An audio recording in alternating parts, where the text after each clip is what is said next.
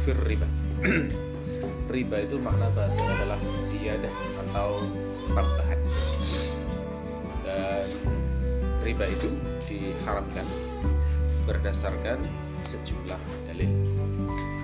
Yang paling jelas sekali adalah dalam surat Al-Baqarah ayat 275 di mana Allah berfirman wa ahallallahu al-bai'a wa harrama riba.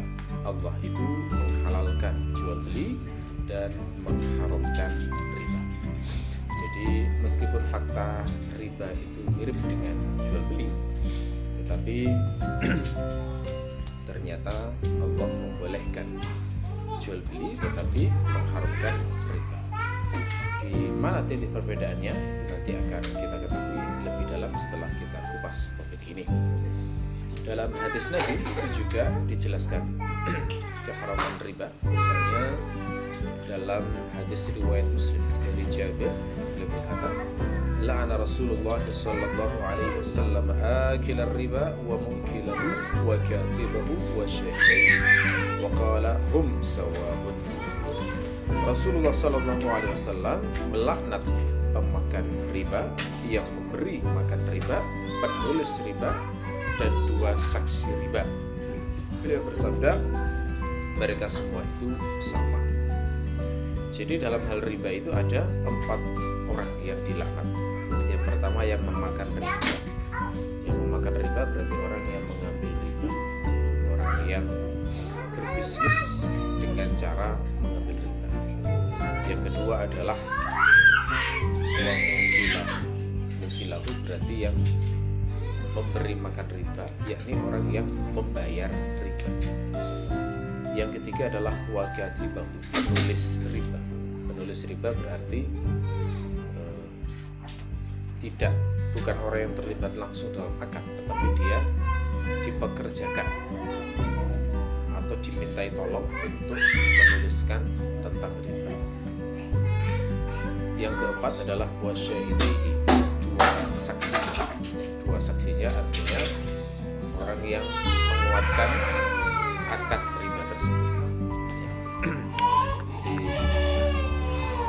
ini adalah penjelasan umum tentang eh, dasar dari keharaman riba itu والربا في الذهب والفضة والمطعومات Riba itu ada pada emas, pada perak, dan makanan-makanan. Artinya kalau kita berbicara jual beli atau mungkin pinjam meminjam, maka riba itu ternyata bendanya terbatas, tidak terjadi pada semua benda, tetapi pada benda-benda tertentu saja. Nah, yang disebut oleh Abu Suja di sini, riba itu terjadi pada tiga macam benda, yaitu emas, kemudian perak, dan makanan Jadi selain ini, maknanya berarti mafhumnya itu tidak mengandung riba pada transaksi-transaksi jual beli. ولا يجوز بيع الذهب والفضة ولا يجوز بيع الذهب بالذهب ولا الفضة كذلك إلا متماثلا نقدا tidak boleh jual beli emas dengan emas dan tidak pula perak seperti itu maksudnya tidak boleh menjual perak dengan perak. Illa mutamasilan kecuali sama persis. Ini maksudnya sama itu ya kalau 5 gram ya dengan 5 gram 1 kilo dengan 1 kilo. Jadi tidak boleh ada kelebihan.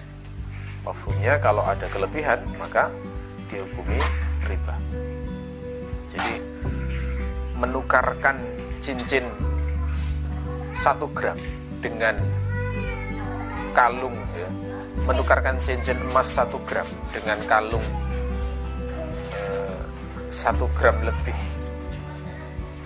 satu gram setengah misalnya. Itu maka dilarang karena termasuk riba di sini ya. itu maksud dari kata mutamasilan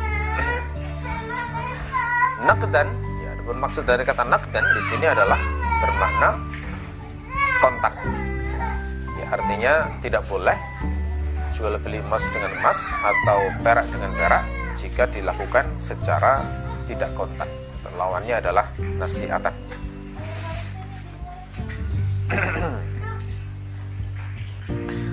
Yang menjadi dalil adalah hadis riwayat Muslim dari Abu Hurairah beliau berkata, Qala Rasulullah sallallahu alaihi wasallam, "Az-zahabu biz-zahab waznan biwaznin, mithlan bimithlin, wal fiddah bil fiddah waznan biwaznin, mithlan bimithlin." Faman zada aw istazada fahuwa riba. Dari Abu Hurairah beliau berkata, Rasulullah Shallallahu Alaihi Wasallam bersabda, emas dengan emas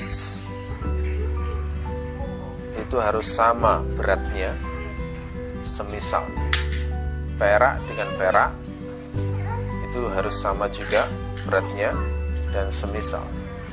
Barang siapa yang melebihi atau meminta lebih, maka itu adalah riba. Jadi ini menjelaskan maksud dari kata tamasul makna dari semisal yang sama itu seperti apa riwayat lain yang menguatkan adalah hadis riwayat Muslim juga dari Abu Sa'id Al-Khudri beliau mengatakan qala Rasulullah sallallahu alaihi wasallam الذهب بالذهب والفضة بالفضة والبر بالبر والشعير بالشعير والتمر بالتمر والملح بالملح مثلا بمثل يدا بيد. فمن زاد أو استزاد فقد أربى. الآخذ والمعطي فيه سواء. رسول الله صلى الله عليه وسلم bersabda أماس dengan أماس perak dengan perak gandum dengan gandum jewawut dengan jewawut, kurma kering dengan kurma kering, garam dengan garam, harus semisal dan kontan. Barang siapa yang menambah atau meminta tambah maka dia adalah berbuat riba yang mengambil dan memberi sama saja. Jadi ini menjelaskan dalil tentang nakdan. Ya, kontan itu di sini dalilnya adalah ya dan biatin.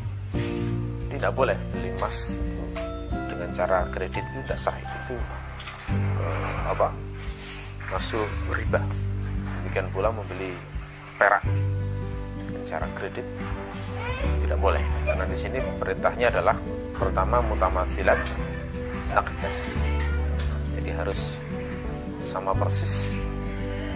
Kalau sejenis ya kalau sejenis harus sama persis tidak boleh ngambil selisih. Kan harus kontak maksudnya sejenis sama itu apa? Kalau orang itu membeli emas dengan uang itu berarti maknanya adalah menukar emas dengan uang. Berarti bukan emas dengan emas. Nah, yang semacam itu ngambil selisih boleh ngambil untung boleh.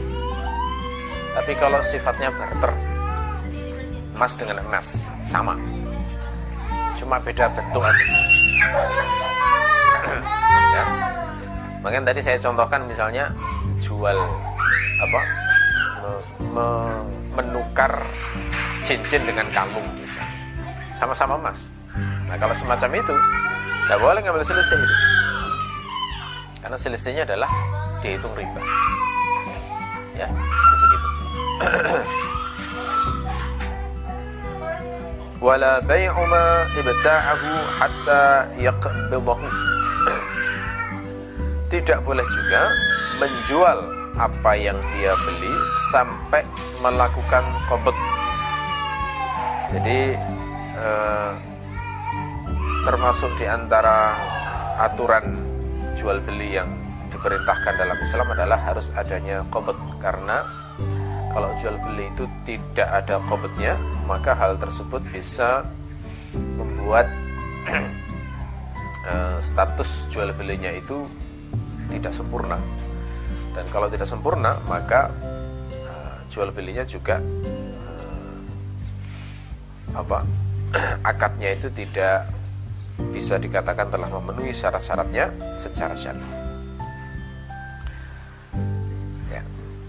Dasar perintah qobat ini adalah hadis riwayat Bukhari dari Ibnu Abbas radhiyallahu anhu beliau mengatakan أما الذي نهى عنه النبي صلى الله عليه وسلم فهو الطعام أن يباع حتى يقبض قال ابن عباس ولا أحسب كل شيء إلا مثله Adapun yang dilarang Nabi Shallallahu Alaihi Wasallam adalah makanan yang dijual sebelum dilakukan kobot.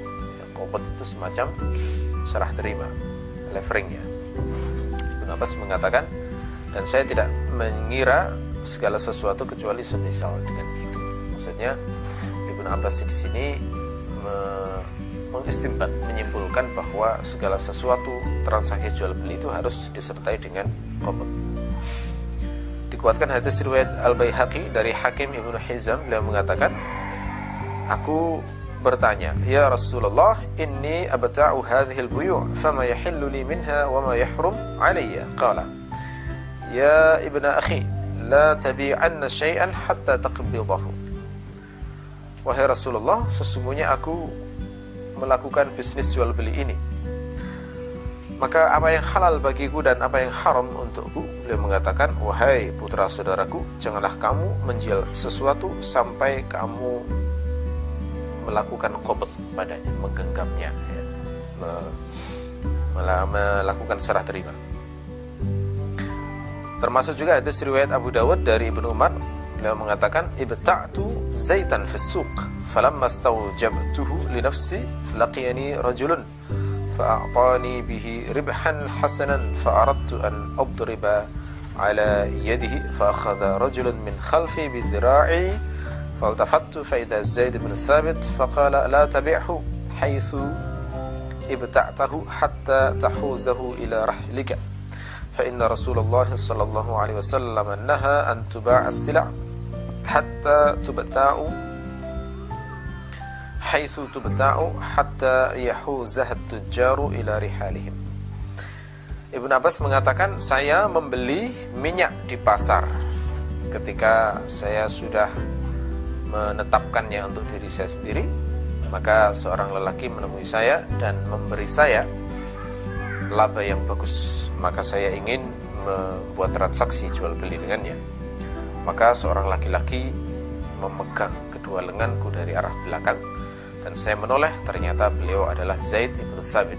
Kemudian beliau mengatakan janganlah kamu menjualnya di mana engkau membelinya sampai engkau mengambilnya ke kendaraanmu. Karena sesungguhnya Rasulullah SAW melarang barang-barang itu dijual di mana dia dibeli sampai pedagang itu mengambilnya ke kendaraan-kendaraan mereka. Nah ini prinsip kobot ya.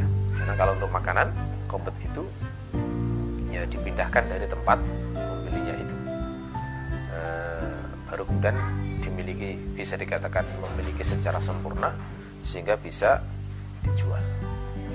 Jadi kalau masih di tempat e, misalnya orang membeli beras di gudang satu kintal selama masih di gudang itu tidak boleh dijual kepada orang lain karena tidak ada kobet di situ. Jadi kalau setelah dipindahkan dari gudang itu diambil barulah sah sempurna menjadi kepemilikannya sehingga boleh dijual. Ini prinsip eh, yang dikatakan Abu Suja di sini janganlah menjual sesuatu yang dibeli sampai dilakukan kobet padanya. Wala bai'ul lahmi bil hayawan dan tidak boleh juga menjual daging dengan hewan. Jadi maksudnya kita punya daging sapi misalnya 10 kilo kita buat untuk membeli eh, hewan hidup Nah, semacam ini eh, dilarang.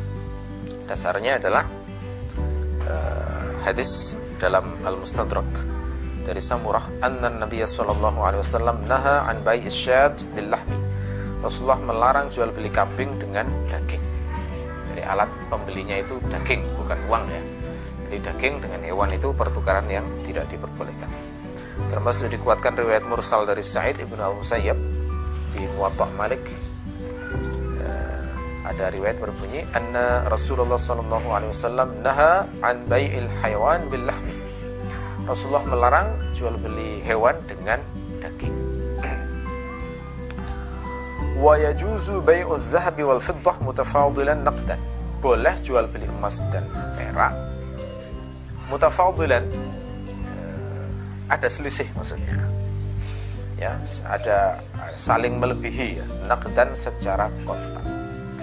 Jadi tadi itu eh, pembahasannya adalah jual beli yang sejenis antara emas dengan emas, perak dengan perak, makanan dengan makanan. Itu syaratnya dua. Pertama harus sama persis beratnya atau takarannya, kemudian kontak. Ya. Tetapi kalau misalnya bendanya beda, kombinasi misalnya emas dengan perak, untuk emas dengan perak semacam ini maka boleh ada selisih. Ngambil keuntungan boleh tapi syaratnya harus nakdan harus kontan. Jadi tidak boleh kalau tidak kontan. Nah ini kalau di zaman Nabi prakteknya berlaku untuk eh, emas dan perak biasa dan emas dan perak sebagai mata uang juga. Makanya dari dari ketentuan ini digali hukum bolehnya jual beli eh, mata uang bisnis jual beli mata uang itu tidak masalah. Karena fakta orang membeli dinar dengan dirham atau membeli dirham dengan dinar dijual lagi dengan harga lebih mahal. Itu maknanya berarti jual beli mata uang. Dan ternyata di zaman sekarang itu menurut saya ini persoalan yang benar-benar eh, apa termasuk eh, persoalan persoalan yang yang ternyata sudah ada jawabannya dalam Islam ya terkait dengan uh, jual beli mata uang. Jadi sekarang kan ada ya orang yang bisnisnya itu beli dolar dijual lagi. Di bank-bank kan rata-rata juga ada deh. Dia di bank-bank itu ada ada jasa penukaran mata uang, e, jual beli mata uang dan mereka selalu mengupdate berapa harga mata uang asing setiap harinya. Dan tentu saja harga pembeli itu dibedakan dengan harga penjual karena memang diambil keuntungan dari sana. Dan bahkan ini termasuk salah satu pemasukan penting dari lembaga-lembaga keuangan seperti bank. Ini menunjukkan bahwa memang transaksi yang ada di bank itu ada yang halal ada yang haram. Ya, seperti jual beli mata uang itu termasuk yang halal selama memenuhi syarat-syaratnya. ya, jadi syaratnya di sini adalah nak dan harus kontan. Jadi kalau tidak kontan maka mengandung riba. Itu tidak diperbolehkan. Salah satu sahabat yang bisnis jual beli mata uang itu adalah Ibnu Umar. Jadi ini apa ya istilahnya sekarang profesi apa istilahnya? Jual beli mata uang. Money changer ya money changer itu boleh di bisnis semacam itu. Syaratnya harus kontan. Nah kontan ini nanti ngikuti uruf ngikuti tradisi ya. Jadi kalau tradisi kontan itu eh, proses transfernya itu perlu beberapa jam maka ya tetap disebut kontan ya bahkan kalau memang hurufnya itu lebih dari itu tidak masalah.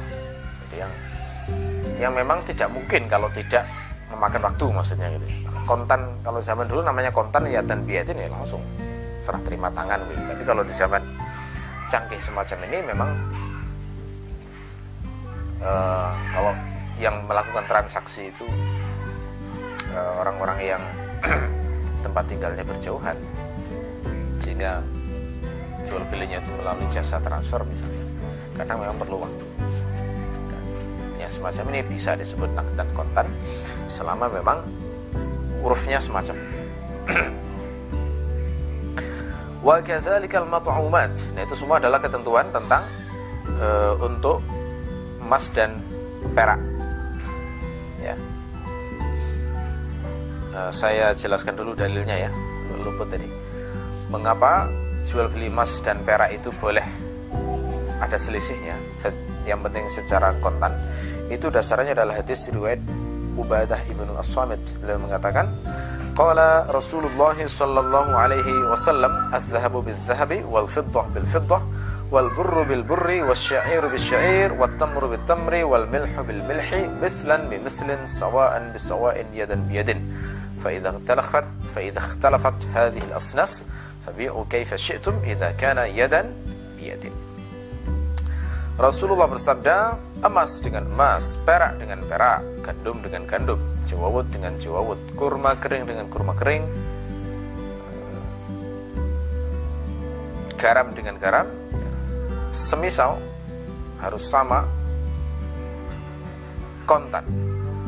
Kalau benda-benda ini berbeda, maka juallah sekehendak kalian jika kontan. Jadi itu ya boleh ada selisih selama kontak. Dikuatkan hadis riwayat Al Bukhari dari Al Bara ibnu Azib dan Zaid bin Arqam. Ya. Keduanya ditanya tentang sorf pertukaran mata uang. Fakul wahidin minhuma yaqulu هذا خير مني فكلاهما يقول نهى رسول الله صلى الله عليه وسلم عن بيع الذهب بالورق دينا keduanya mengatakan Rasulullah Shallallahu Alaihi Wasallam melarang jual beli emas dengan perak secara tidak kontan. Nah, itu menegaskan harusnya kontan pada kasus jual beli mata uh, uang emas dan perak termasuk uh, mata uang. Wa kadzalikal mat'umat demikian pula makanan la yajuzu bai'ul jinsi minha bimithlihi illa mutamathilan naqdan. Demikian pula makanan tidak boleh jual beli yang sejenis dengannya kecuali harus sama dan kontak. Jadi maksudnya begini, uh, beras dengan beras, misalnya. Kalau zaman Nabi gandum dengan gandum. Gandum kalau ditukar gandum itu harus sama ukurannya. Kalau dua sok ya sama dengan sok, dua sok. Tidak boleh dua sok ditukar dengan sok. Misalnya. Beras juga demikian. Jadi kalau beras 2 kilo ditukar dengan beras 2 kilo selama sama gitu ya dan harus kontan wa yajuzu bai'ul jinsi minha bi ghairihi mutafadilan naqdan ya. boleh jual beli yang eh, jual beli yang jenisnya itu beda dengan cara mengambil selisih secara kontan jadi ini mirip dengan emas dan perak. Kalau beda jenisnya maka itu tidak masalah mengambil selisih ya. Itu kalau jenisnya makanan semacam itu. Jadi mirip seperti emas dan perak tadi